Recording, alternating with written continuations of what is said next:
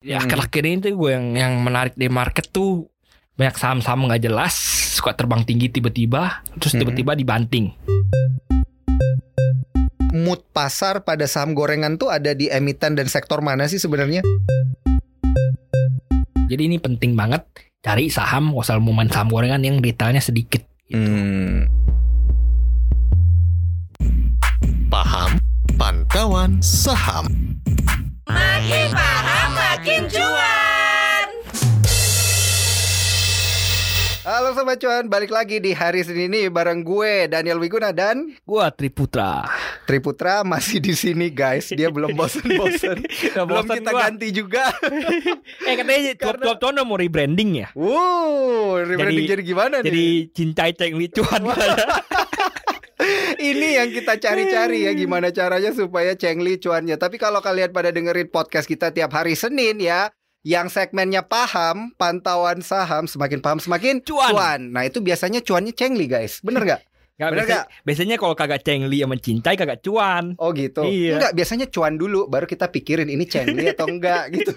Sembarangan lu. Apalagi kalau Cuan sahamnya itu udah terbang. terakhir. Enggak kan apalagi kalau sahamnya udah terbang 25% duluan kan. Baru kita di belakang mikir Justru ini kalau lu kalau lu cengli nggak cengli dan cincai lu nggak bisa cuan. Misal sahamnya udah naik, Hmm. lu kagak TP, lu kagak cengli, lu kagak cincai. Turun Hmm. lagi lu jadi boncos kagak Aduh jadi itu cuan. susah banget bro Nah. Itu ribet banget mikirin itu Mending mikirin cuannya dulu ya Baru kita belakangan mikir Ini cengli apa enggak? Kan biasa kayak gitu ya. Apalagi kalau kita beli sahamnya yang gorengan kan. Udah beli dulu Naik dulu Nanti cengli apa cincai Udah kita hitung belakangan. Gimana? Bener gak? Lu setuju Ah, gak? yang penting gua TP dulu deh gitu. Tapi eh, ini masalah rebranding Lu jangan sebar isu sembarangan Oh siapa yang mau rebranding? Lu kali yang mau rebranding ya. Nah ini Sobat Cuan Kita eh, seperti biasa tiap hari Senin ya Kita melihat pergerakan harga saham yang cukup roller coaster di pekan ini Ya sepertinya juga eh, pagi tadi kan dibuka di zona hijau Kemudian ada pergerakan kembali ke zona merah Tapi masih di atas 6050 dan kita ternyata masih net buy nih. Kalau masih net buy dari pekan lalu ini harusnya masih aman kan, Bro? Udah net sell, Bro. Udah net sell ya. Hari Tapi di all market sell. Hari ini net sell. Nah, tapi di all market ini Jangan masih lihat net all buy market selalu lihat dari regular market kalau gua. Kalau Ya, all gua, market gua, biasanya gua tipenya optimis. Enggak enggak kalau misalnya soalnya kalau selalu ngeliat nego itu biasanya misalnya ada transaksi di, atau diakuisisi eh, sama orang atau apa atau repo. itu semua repo atau semua Mm-mm. masuknya ke all market jadi sebenarnya nggak Mm-mm. nggak gitu mempengaruhi market di Hmm. harga market itu sendiri jadi biasanya kalau lu mau pantau asing masuk keluar biasanya yang reliable itu regular market Hmm, gitu. Tapi kalau udah ngelihat kayak gini, wajar nggak sih ini koreksinya? Masih wajar lah ya, masih 0,0 something gitu menurut lu gimana? ya memang apa hari ini dan kemarin itu lagi apa namanya banyak yang mau profit taking kayak udah naik Eh. tinggi 5% Heeh. sempat nyentuh Iya. 6100 juga gitu. Jadi ya emang wajar aja kalau profit taking justru kalau naik lagi justru kenaikannya udah mulai nggak wajar gitu. Jadi emang Hmm. harus ada koreksi dulu. Ketahanan di level segini nih, apakah akan berlanjut koreksinya atau ini bakal lanjut rally habis ini habis profit takingnya? Ya mungkin setelah koreksi satu dua hari lagi mungkin nggak nggak gitu tebal ya koreksinya. Baru mungkin akan lanjut rally lagi gitu. Bisa apa peluang jebol 6100 cukup gede dan Hmm. peluang jebol 5009 itu cukup kecil gitu. Jadi Oh, ya oke oke oke. most likely nggak bakal balik arah, most likely bakal lanjut naik setelah koreksi sehat ya tentunya. Most likely bakal optimistis gitu. Jadi rentang yang lu bilang ini berarti ada di berapa nih? 6200, 5900 atau gimana nih? 61-an, 6150 Heeh. sampai bawahnya itu 59. 59 Di sepanjang Iya, pekan ini. sepanjang ya? pekan ini. Kemungkinan Hmm. 59 belum akan jebol, Mhm. masih aman lah level itu dan Mhm. kemungkinan bakal di close di atas 61 minggu ini. Hmm, gitu. Berarti asing ini masih ngejar tetap big caps dan saham sektor teknologi ini juga masih bakal naik double digit double digit nih secara sektoral. Ya ini kalau sektor teknologi dulu ya gue udah bilang dari dulu itu indeks teknologi kita tuh nggak ada pasaknya, Mhm. isinya rata-rata saham lapis 3, lapis 4, gampang digerakin market maker lu lihat aja hari ini saham-saham teknologi yang terbang tinggi itu semua nggak ada volume. Hmm. Saham kagak ada volume artinya ya ditarik doang mark, mark up sama market maker berarti namanya kan Hmm. ditarik doang ditarik naik ditarik narik ya efeknya ya gitu double digit double digit sektor Ja- jarang banget ada sektor yang bisa terbang double digit Mhm. cuman teknologi doang kenapa karena satu emitennya dikit Mhm. dua nggak ada pasak indeks jadi ketika satu emiten yang market capnya gede kayak misalnya DCI lalu MCAS gitu-gituan Hmm. terbang ya udah ketarik indeksnya pasti kayak Hmm, gitu supaya terlihat ada sektor yang menarik lah gitu ya di tengah IHSG merah eh ternyata ada yang balik arah guys ditabok bursa lu nanti ngomong gitu lu ya enggak lah kan kita Dulu juga, juga berharap semuanya hijau Dulu juga pernah kejadian itu di Mm-mm. properti tapi nggak separah ini. Oh, di Pol sekarang dulu, parah. Pollux. Nggak, dulu maksud gua ada kejadian indeks yang skew kayak gini. Skew Oh, tuh iya ya di, in- di sektor properti. Iya, di sektor properti dulu tuh eh, apa saham-saham market cap di properti kecil-kecil paling gede satu Pollux doang mm-mm. sendiri gitu. Jadi kalau Harganya misalnya dia 10.000. naik, se Iya, sektoralnya iya, naik, sektoral gitu naik, ya. tapi nggak nggak separah sekarang, cuman dulu paling 1 2 3 persen gitu doang. Mm-mm. Sekarang sampai 12 persen gitu, nggak nggak masuk Hmm. akal udah sektoral bisa naik segitu ya. Ya karena emang lapis tiga lapis empatnya jadi big cap di situ istilahnya kan. Nah ini yang bakal kita bahas nanti ya Sobat Cuan Yang kenaikannya tadi kayak Bro Putra bilang berdasarkan volume gitu ya Alias ini bisa aja jadi saham gorengan gitu ya bro ya Bisa gak sih? Ya nah berarti kurang lebih namanya ya tanda kutip ya tengah saham gorengan. Nah lu yang bilang bandar. Gue cuman gak mau bilang aja bro Harus lu yang bilang dulu nih Ya, Baru kalau udah fix. sahamnya sahamnya ada yang tarik-tarik sembarangan ya sebutannya saham gorengan gitu. Oh, Oke tarik-tarik sembarangan ya gitu Apa sih yang biasa ditarik sembarangan? Harganya bro lu Oh, nih. harganya. Semangat. Wih apa kan gue Lu pegang-pegang yang bawah tadi nih bagi pemirsa cop cuma Sepatu, tidak melihat. Ini Tadi. tali sepatu Gue pakai tali sepatu Sepatu gue ada Iya iya iya ya. percaya gua percaya. Oke, sobat cuan. Ya kurang lebih seperti itu. Tapi kita butuh satu eh, pertanyaan lagi nih terkait dengan pergerakan IHSG sebelum kita masuk ke tema utama kita di hari Senin ini di segmen paham yaitu cuan dari saham Garongan. Gorengan. Dari saham goreng. Pokoknya kalau bagian gorengan harus Bro Putra yang bilangnya. Gua cuannya, dia gorengannya. Oke. Ini pertanyaannya adalah terkait dengan sentimen, Bro, sepanjang pekan ini. Ini sentimen apa yang akan gerakin pasar kita di sepanjang pekan ini? Nggak ada libur nih, bakal lima hari penuh nih kita trading. Gimana nih? Sentimen apa nih? Nah, sentimen pada pekan ini itu pertama itu BI ada di dalam negeri dulu ya. BI itu bakal rilis uh, angka penjualan retail. Jadi Mhm. ini salah satu yang penting Kamis sih kalau nggak salah. Heeh. Angka penjualan retail uh, ini biasanya dicerminkan oleh indeks penjualan real. Mhm. Jadi menurut BI itu dibandingkan periode yang sama dengan tahun sebelumnya year on year penjualan retail masih terkontraksi 14,6 persen gitu. Mhm. Tapi dari konsensus itu meramalkan penjualan retail April mm, minusnya tinggal 10% gitu. Mhm. Jadi ada sedikit perbaikan gitu. Secara Mhm. konsensus lah paling tidak. Mhm. Nah, kali terakhir penjualan retail tumbuh positif itu udah lama banget dari November 2019. Artinya udah satu tahun lebih ya Mhm. kontraksi beruntun gitu. Jadi ya memang masalah daya beli walaupun memang udah disuntikin sentimen ini, sentimen otomotif, sentimen properti Mhm. ya masalah masalah daya beli sebenarnya masih masih ada gitu. Iya. Nah, jadi yang masih bakal dipantau pasar itu lalu misalnya dari US sendiri itu yang data yang tentunya ditunggu-tunggu itu inflasi AS ya. Mhm. Inflasi per akhir Mei secara konsensus bakal naik 4,7 persen jadi jadi jadi apa kalau Uh. misalnya Market jitter, deg-degan iya, iya, semua makanya lagi dong. Ketika seperti biasa ya kalau inflasi naik terus ada ketakutan di kalangan para pelaku pasar tentunya kalau the Fed nanti bakal tapering Mhm. Nah, karena apa kurangnya pembelian bonds, naikin suku bunga pelan-pelan. Nah, itu nampaknya akan ngeri ke market kita gitu. Hmm. Nah, jadi ya memang diprediksi tinggi ya. Bulan sebelumnya itu 4,2 artinya naik lagi gitu. Tahun Mm-mm. bulan bulan ini kembali naik lagi ya. Jadi bisa jadi lampu kun lampu orange buat the Fed. Hmm. Walaupun memang sekali lagi the Fed sudah dari dari J J-nya sendiri ya, J Powell-nya sendiri mengatakan tidak akan menaikkan suku bunga apa tidak masih Sampai era era suku bunga wordingnya kayak gini, era suku bunga rendah masih akan berlanjut hingga akhir tahun. Walaupun Tapi- ekonominya overheat. Iya, tapi kan bisa aja 0,25 persen atau Mm-mm. 0,5 persen kan masih suku bunga rendah itu ter- Enggak tergoleng. naikin suku bunga tapi kuantitatif easing. Enggak, dia bukan tapering bilang bisa dia nggak? bukan Nggak, nggak, bilang ini ini cuman pemikiran aja kan banyak yang nanya tuh kemarin tapering tuh tapering Hmm. jadi uh, pembelian obligasi itu dikurangi Hmm. kan tapi tidak menaikkan suku bunga itu bisa nggak? tapering itu tuh dia mau taper suku bunga, Heeh. dia mau taper bond itu juga termasuk tapering gitu. Bisa Iya. tapering dikurangi pembeliannya itu Berarti namanya bisa tapering. iya bisa salah dia satu naikin kan. iya Heeh. iya. Tapi yang yang yang ditekan-tekan itu tuh apa namanya dia wordingnya tuh era suku bunga rendah masih akan berlanjut hingga akhir tahun gitu. Ah, Tapi.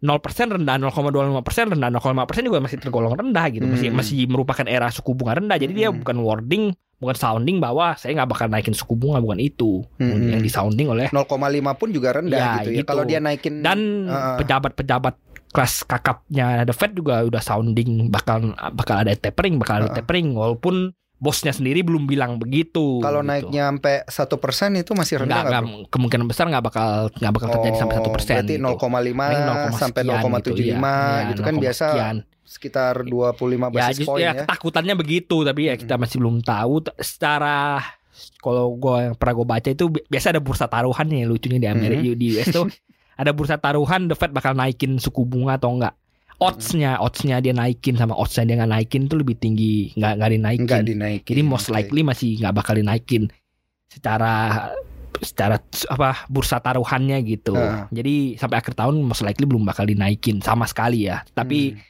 secara presentase doang gitu, secara Hmm. rama, secara konsensus lah. Tapi kalau Kasarnya. ya oke itu kan terjadi di Amerika ya. Ini sebelum kita masuk ke topik utama kita. Kalau bener nanti ada tapering pe- kenaikan suku bunga dikit kan pasti ada market jitter. Dolar bakal menguat kan. BI udah siap nggak sih untuk meredam penguatan dolar? Ya Bu Sri kemarin sempat takut kan katakannya masa Nah, itu dia. Gimana nih kalau lu lihat? Karena kan cadangan devisa kita tertinggi sepanjang Kalau gue lihat sebenarnya masih belum apa masih belum bakal tap, apa efek tapering yang seganas 2000 itu Heeh. 13 lalu ya kalau salah itu masih belum akan terasa Iya. di 2021 ini. Jadi sebenarnya nggak nggak gitu lu terlalu worry di 2021 nanti 2022 2023 baru lu silakan worry.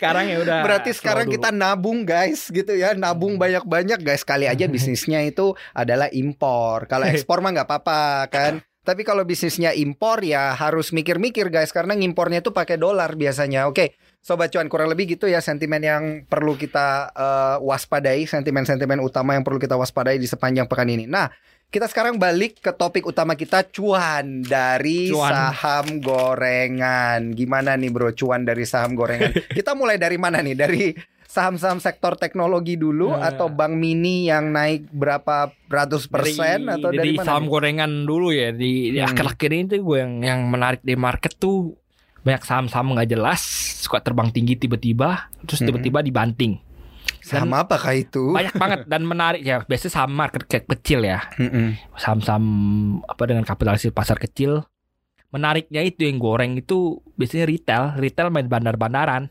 Oke. jadi Berarti retail banyak juga nih duitnya nih. ya Kalau main bandar-bandaran ini kan? Iya, sebenarnya lu gue mau goreng saham nggak gitu, nggak perlu duit gitu banyak, nggak perlu sampai ratusan miliar gitu. puluhan miliar cukup gitu. Satu m udah cukup bro. Untuk ngangkat, Iya, untuk ngangkat, Untuk untuk, ngangkat saham, banting, ya, untuk untuk saham, iya. harga. untuk saham-saham yang lik- likuiditasnya kurang ya tentunya ya, Ah. yang yang sepi-sepi lah. Mm-mm-mm. Itu sebenarnya satu m udah cukup menarik. Kasih contoh bro. Contoh. Panas nih, panas nih gue. Kayak Hadit itu HDIT. kapital ya HDIT, kalau cek saham teknologi naik dari 150-an itu kalau lihat itu tuh dulu apa sepi banget. Itu tuh sepi dari awal Januari ya sepi, nggak ada transaksi, lalu tiba-tiba ada market maker yang bikin volume. Terus tiba-tiba kayaknya ini kemungkinan besar yang narik itu apa namanya nggak nggak bu- nggak butuh modal begitu banyak. Kalau lu dulu perhatiin bitnya itu tipis-tipis, kagak ada yang jualan, kagak ada yang beli gitu. Jadi kalau apa yang yang nahan juga palang bandar doang gitu. Jadi misalnya Hmm. lu mau akumulasi agak mudah. Lu tinggal tampung-tampungin barang katlosan orang karena sempat liar beberapa kali. Heeh.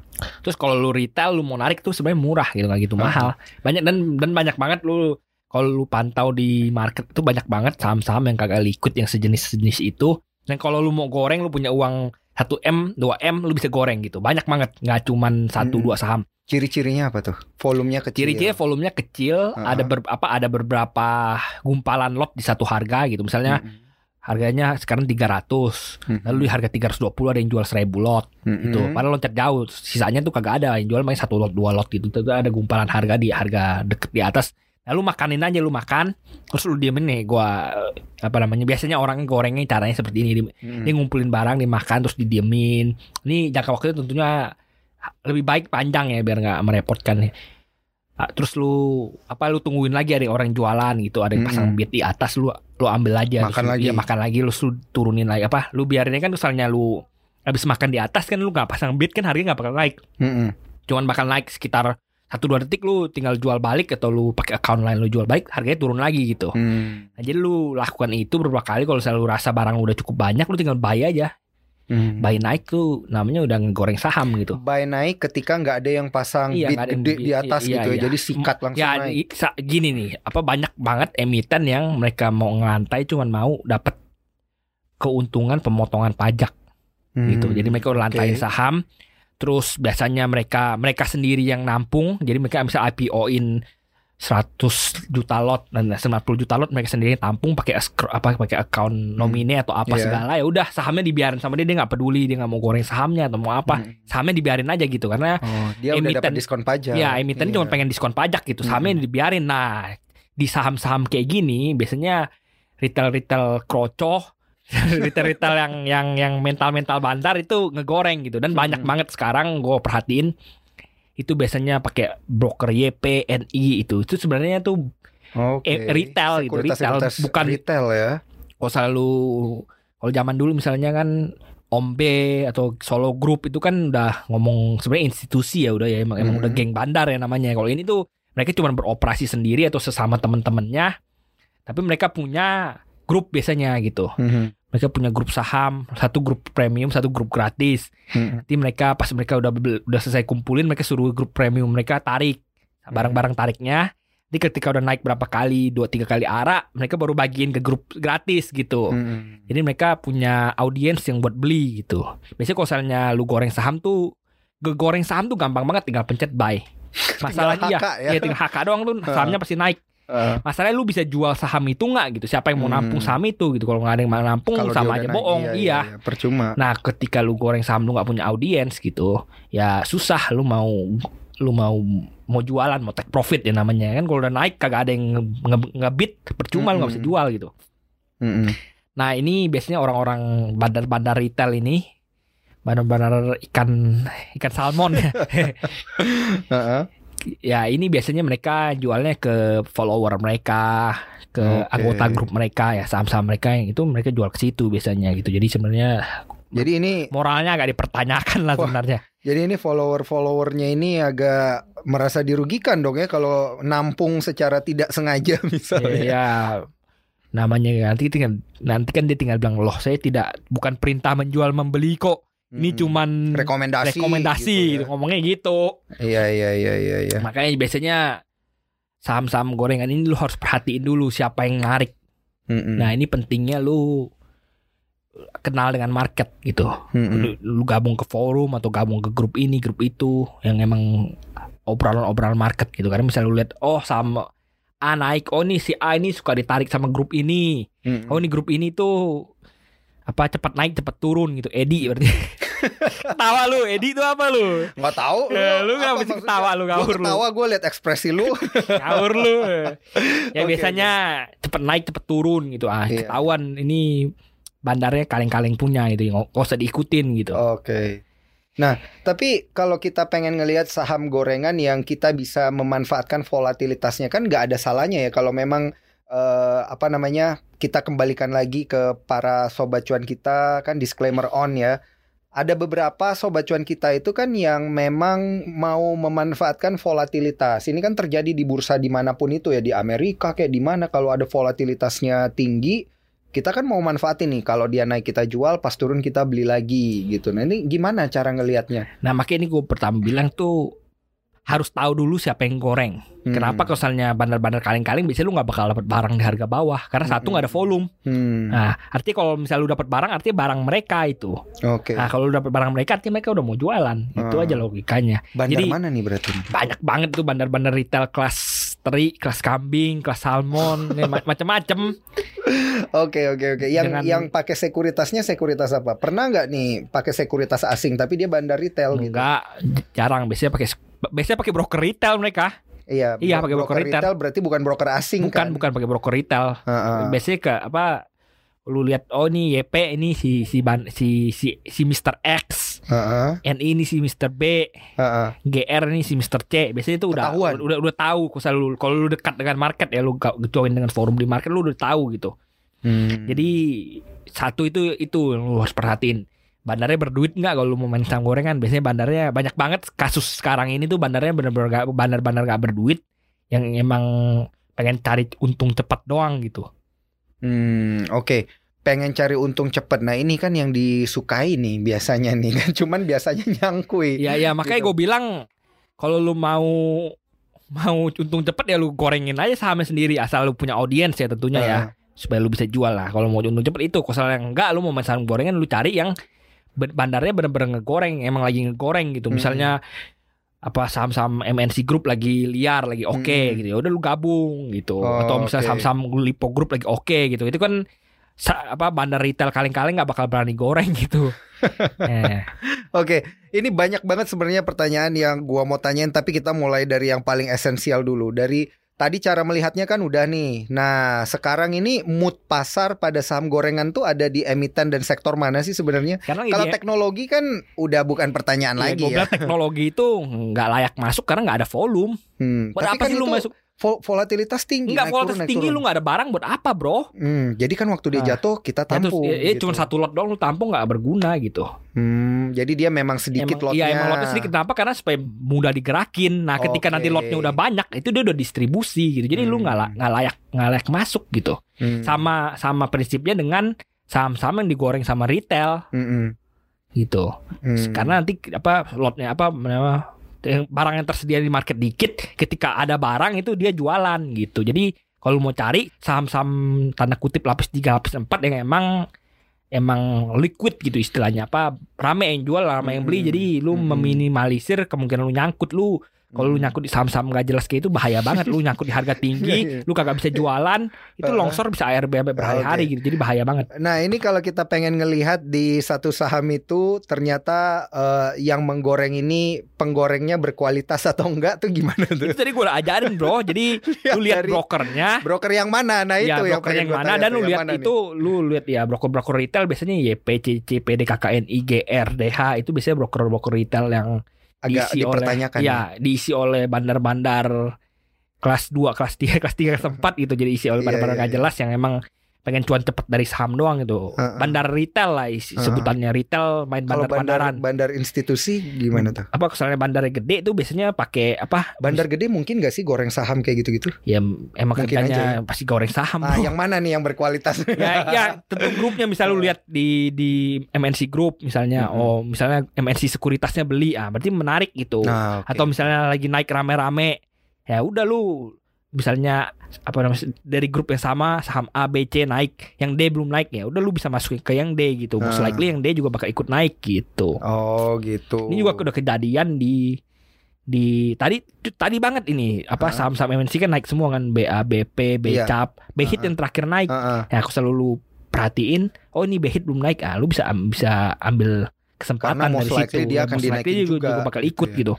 Enggak apa bukan bandar belum tentu bandar bandar MNC-nya naikin tapi market yang naikin gitu. Karena Hmm. market nge-hype saham-saham MNC semuanya pada apa 1 2 3 naik, yang keempat juga pada diborong gitu. Jadi lu lihat Hmm. hari ini saham-saham MNC rata-rata naik gitu. Mm, mm, mm. Oke oke oke. Berarti eh, bagusan mana nih? Kalau kita ikut orang yang lagi bandar-bandaran atau kita ngebandar-bandarin sendiri yang Lu ngebandarin sendiri lu pertama lu harus punya uang, dua lu harus punya audiens. Oke. gitu. Kalau nggak ada uang lu nggak ada audiens ya udah nariknya nggak nggak bisa. Yang penting lu ikut aja gitu. Tapi lu Jadi ikutnya most likely nyangkui ya kayak gitu. ya kalau selalu nggak ada audiens nggak ada orang ya lu narik naikin saham tinggi tinggi ya percuma nggak ada yang Iya, beli iya, iya. nanti lu juga kalau mau jualan ya terpaksa turunin mati Ujung-ujungnya lu nggak bisa juga. jual ya ujung-ujungnya Iya. lu nggak bisa jual malah karena nggak ada yang mau beli gitu Hmm. karena kalau selalu mau goreng saham lu kalau misalnya lu uang lu kecil lu ya cuma bisa goreng sahamnya nggak liquid Mm-mm. kalau uang lu Oke. banyak ya lu goreng saham yang gede pemainnya juga udah banyak gitu jadi lu nggak bisa goreng sembarangan gitu Hmm, oke. Nah, kalau itu tadi dari sisi goreng-gorengannya yang sedikit kolesterol dan kurang berkualitas gitu. ya.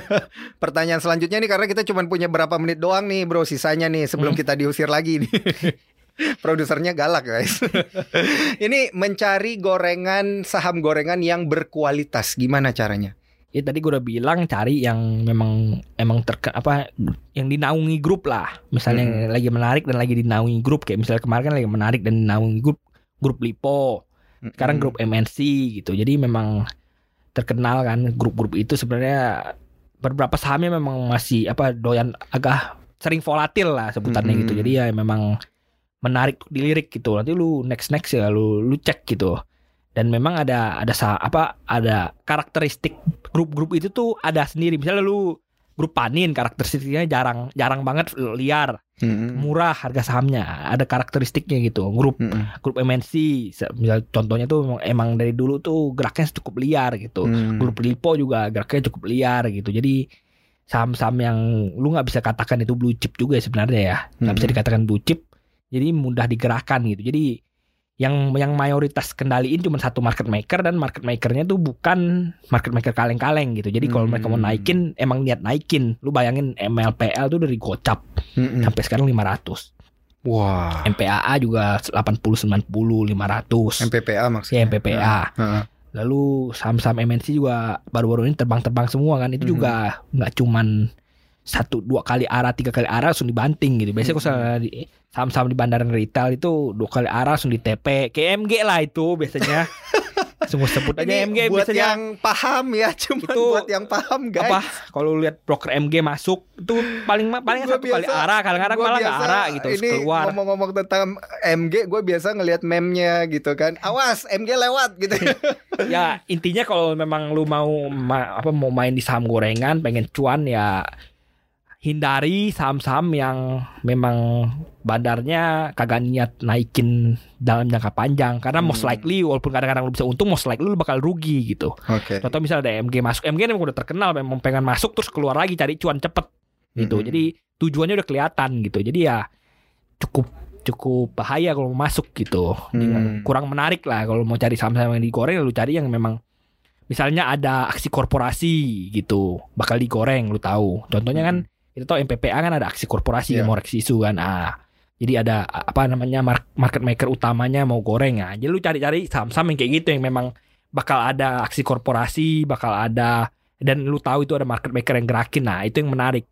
Nah, kalau yang tadi kan yang lu bilang dinaungi oleh grup. Kalau dinaungi pemerintah gimana? Kan banyak juga tuh sahamnya yang Biasanya kalau harganya udah rendah-rendah tuh gimana tuh? biasanya kalau saham-saham yang dinaungi pemerintah ada ada beberapa jenis. Ya satu yang big capnya big capnya berarti susah digoreng ya kurang Ah. menarik. Tapi ada ada saham-saham yang dinaungi pemerintah yang mid atau small capnya itu biasanya digo ada institusi yang ngegoreng gitu. Tapi ya sekarang udah kurang udah kurang banyak udah kurang menarik gitu. Lu lihat Mm-mm. saham-saham BUMN terakhir yang liar kan cuman Bio Farma anak usahanya doang kan. Habis Hmm, itu sekarang KF, udah kagak ada. Ya habis itu kagak ada lagi saham-saham BUMN yang dalam tanda kutip digoreng gitu. Udah nggak ada Hmm. jadi yang menarik ya sekarang kan banyak banget rek, apa rek isu rek isu tuh dalam 2-3 bulan ke depan tuh banyak banget dari Bank Mini mau rak isu lalu Hmm. MPPA banyak banget deh lu coba Ke depannya bakal apa nih? kemarin tuh ada Yang- bull lalu ada Ah. ini gue ngomong rek isu ya bukan mau Iya, digoreng iya, iya. tapi emang banyak banget yang mau rek isu lu perhatiin aja apa namanya kalender market banyak banget lu bisa cari di situ lu screening kira-kira yang belum dinaikin mana yang kira-kira bakal digoreng mana lu Hmm. apa lu bisa cari informasi tentang emiten tersebut biasanya di di forum tuh ada oh Hmm. ini emiten ini dipegang oleh ini atau misalnya lu punya kenalan dari temen lu di grup ini atau di sekuritas ini kita kita tuh biasanya yang di sekuritas sudah tahu oh ini misalnya kayak zaman dulu lah oh saham KF Imnaf tuh dibandarin sama Om B Hmm. saham misalnya MIRX di dibandarin sama Om B itu biasanya udah udah ada udah tahu kita siapa yang bandarnya gitu kayak misalnya biasanya grup A itu dibandarin sama grup A-nya sendiri jadi udah tahu gitu Hmm, oke oke oke. Nah, ini kalau kita lihat kan itu tadi yang pertama tuh dinaungi grup atau memang ada pemerintah di belakangnya juga yang menaungi gitu. Selain itu apa yang perlu diperhatikan untuk mengetahui satu gorengan berkualitas dari sisi fundamental gimana? Kalau saham gorengan kan memang perusahaannya IPO tapi masih skala kecil gitu kan bisa kita bilang beberapa. ya sebenarnya kalau selalu mau aman ya lu cari yang BV-nya di bawah satu Hmm. gitu kenapa Tapi kalau kan nggak semua BV yang di bawah satu itu berkualitas. Nah makanya gue bilang yang lu pertama tuh lu perhatiin nih dari gue summary-in ya Kesan lu agak bingung ya Pertama tuh lu lihat jangan cari bandar yang kecil yang kagak jelas Bandar-bandar retail yang gue sebutnya Jangan Hmm. ikut mereka Mm-mm. Cari bandar yang udah gede Mm-mm. Bandar yang gede ini mau naikin saham kenapa? Yang kedua biasa alasannya Karena Hmm. ada aksi korporasi Hmm. Biasanya kan ada aksi korporasi rakyat isu Atau HMTD atau ini Atau mau stock split atau apa Atau lain, lain sebagainya itu bakal digoreng supaya aksi korporasinya lancar. Biasa ada ada kepentingan-kepentingan seperti itu. Nah ketiga itu seperti yang tadi gue bilang sendiri itu apa cari yang memang secara secara nilai apa fundamental masih murah tergolong murah. Hmm. Emang emang jarang ada yang semua kategorinya dicentang. Tapi ada aja yang ada aja yang memang murah. Kayak misalnya MLPT itu kan MLPL itu kan waktu masih di 200 ratusan itu kan masih di bawah book value ya book Hmm. value 200an walaupun rugi-rugi rugi mulu tapi ya secara book value masih murah jadi sebenarnya masih nggak serem-serem amat kalau masuk dibandingin dengan yang book value-nya ada 20 30 gitu. Mm-mm. Karena sekali lagi kalau mau goreng saham itu tuh market cap itu paling penting. Hmm. Goreng saham yang cuman market cap yang cuma 100 miliar itu gampang banget. Modal lu 22 miliar, 3 miliar itu udah kegoreng saham itu. Tapi kalau market capnya udah gede kayak 100 T, kayak misalnya Arto udah 150 T, berat banget mau goreng gitu. Kayak gue Hmm. bilang, kalau soalnya gajah larinya cepet itu gajah mau lari itu udah susah gitu. Kalau citah Hmm. mau lari cepet gitu, karena Hmm. citah badannya kecil gitu. Hmm, berarti lihat market cap-nya juga ya. Iya. Itu bisa kita lihat berapa eh, seberapa banyak uang yang dipakai untuk kemudian menggoreng. Nah, sobat cuan kurang lebih itu tips-tipsnya dan cara menerawangnya, cara melihatnya seperti apa. Semoga bisa memberikan masukan ini buat para eh, pencari cuan dari Sama terakhir bro. gorengan. Oh, ada lagi nih terakhir. terakhir nih. Apa nih? Lu lihat banyak retail nggak di situ lu harus liatin.